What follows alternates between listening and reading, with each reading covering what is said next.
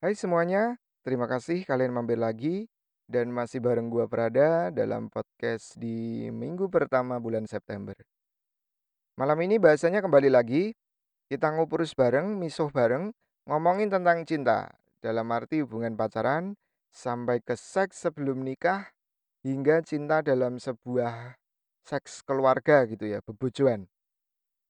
Dan buat teman-teman yang baru mulai bersandar sambil menikmati sangkir kopi, atau yang udah rebahan, boleh pejamkan mata kalian, dan semoga cerita ini menjadi pengantar mimpi kalian malam ini.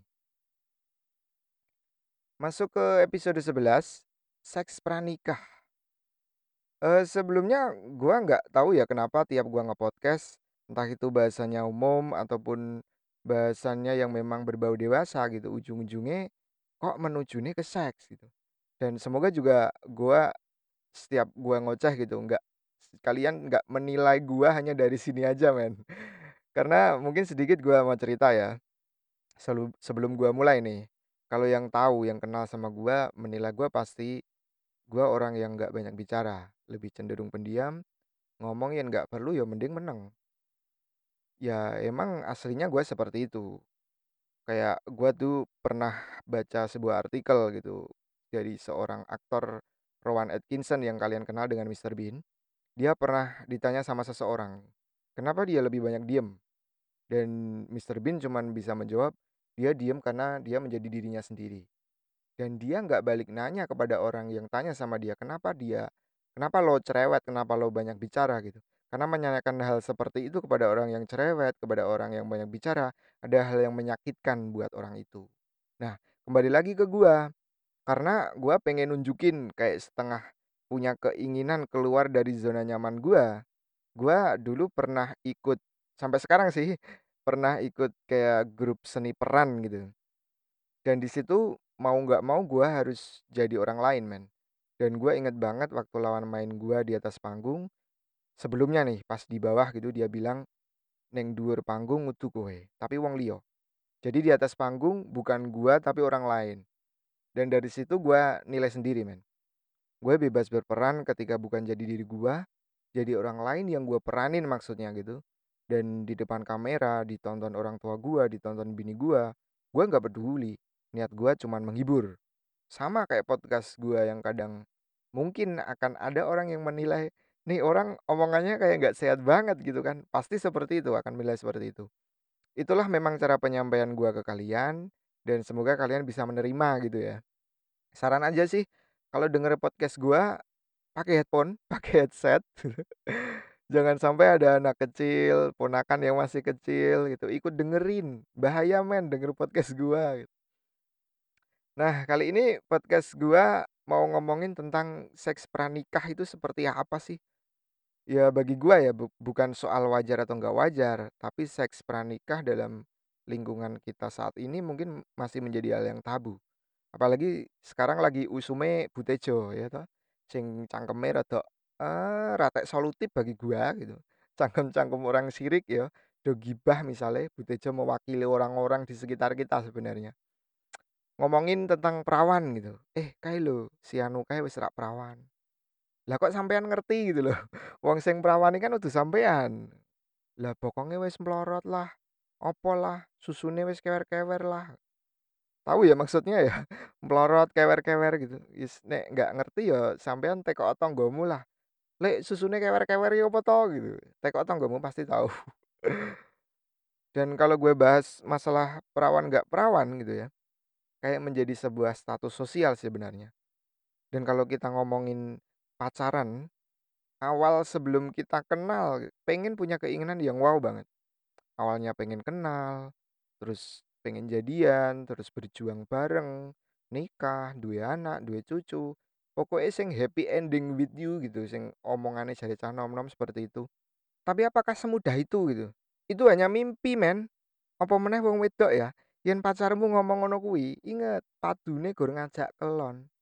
Eh mas, pacarku lulusan pondok kok, nggak mungkin wong niate gur ta'aruf. Eh goblok, ameh lulusan pondok, ameh lulusan madrasah. Jenenge singo lepas saka kandang tetep singo. Ameh saka pondok yen biasane mangan daging mateng, mandar metu kandang enek daging mentah ya tetep diuntal, Cuk. Ngerti to daging mentah kuwi enak. dagingmu kuwi lho, dapuranmu lak ya ngrasake enak to didilat-dilat keri, ngaku wae.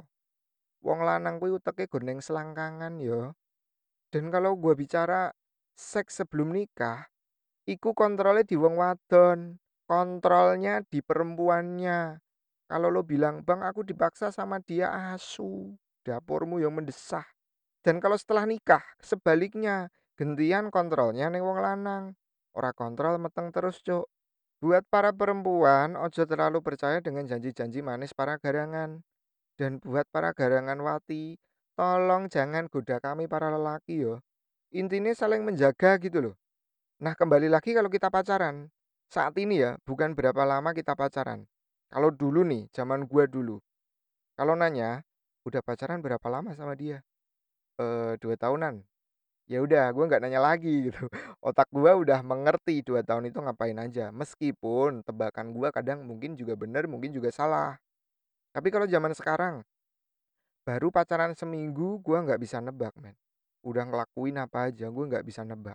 Kayak kalau sekarang lagi viral tuh, artis ada seorang eh sepasang artis yang ngaku kalau tujuh tahun pacaran nggak ngapa-ngapain. Cangkemmu ya, ojo percaya. Gek ngopo nggak ngapa-ngapain tujuh tahun, padahal dapuranmu wong loro piknik bareng, mlebu hotel bareng, tekan luar pulau, tekan Bali dan sebagainya, nggak ngapa-ngapain itu statement yang sebenarnya kowe jane pengen jujur apa gorar ganti gorar gawe kontroversi sih. Namanya artis terserah. Gue nggak pengen apa ya ngomentarin artis yang yo pengennya gur kontroversi lah. Kembali lagi lah, eh para wong wedok, laki itu bakal ngelakuin apa aja buat ngedapetin apa yang dia mau. Lanang kuwi ngacengan.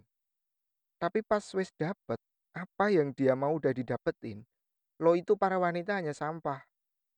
Wis diperawani misalnya. Eh kowe wis tak perawani ya wis. Ning apa ya wong wedok kuwi nggak nafsuan, sangean gitu. Eh, sampean kuwi ora ngacengan ning teles, rembes. Yang namanya pacaran itu nggak simpel ya. Apa rumangsamu, "Hei, kamu mau nggak jadi pacar aku?" "Iya, aku mau." Terus sayang-sayangan. Ora. Pacaran itu harus ada komitmen. Wong wadon jaga keperawanan sampai hari H, sampai malam pertama. Yen pacarmu sok drama, yang ayo yang kita kan udah tunangan yang ada cincin yang melingkar di jari manis kita. Eh, double. Yen pancen tresno, tunggu sampai hari H, sampai malam pertama, sabar sithik ngopo to. Tapi yen sampean telesan, ya terus mbok layani ngono wae. Gek akhire tunangan apa janjeni tunangan itu nikah. Aja goblok. Tunangan itu bisa gagal. Nek pancen tresno tenanan ora kudu ngentot. Bajirut arep ngomong ngentot malahan anjay. Yen pancen tresno tenanan, ndak harus ML, ndak harus apa ya, test drive duluan. Nek pancen tresno, ya wis nikah, kan ujungnya ya gituan gitu loh. Tapi kalau masih pacaran terus akhirnya mbok serahke, terus kue ditinggal, terus 100% ndak sampean meh nyalahke arek lanang, kue kuwi sing pekok su. Dan kembali lagi, kalau gua nih, kita sebagai laki-laki ya, perawan itu kadang kadang dijadikan bahan candaan para laki-laki. Mbok iku nek tempat tongkrongan, nek tempat kerja, pas lagi santai gitu. Ada lewat nih cewek gitu ya. Ah, kayak wis rak perawan terus dijadikan bahan guyon gitu. Ini yang menjadikan mindset bahwa keperawanan itu tolak ukur baik tidaknya seorang wanita. Nah, itu sebenarnya sih salah. Ya meskipun gua sendiri kadang masih ngelakuin hal itu ya, kayak wis perawan. Oh, kayak perawan lah tak hormati dan sebagainya. Lah opo rumangsamu yen klambine eh, yen klambine kuwi syar'i terus solekah ngono kan. Dikongkon ibune, "Nduk, ngliwet to terus temanjang." Terus sing klambine ketok belahan susune, rumangsamu elek. Diundang ibune, "Nduk, apa su?" Kan enggak juga, Cuk. Jangan nilai seperti itu gitu. Ya aku ngandani kalian, ngandani awakku dhewe. Ya karena aku sendiri kadang menilai seperti itu juga. Nah, itu yang salah sebenarnya. Yuk kita bareng-bareng bener gitu loh. Ya ben podcast itu ora ketung sedikit enek benere lah, enek sisi positifnya gitu. Memang kalau kalian nilai negatifnya aja berarti kalian nggak ngedengerin 100% apa yang gua omongin. Makanya kalian dengerin pasti ada sesuatu yang bisa kalian ambil hikmahnya lah.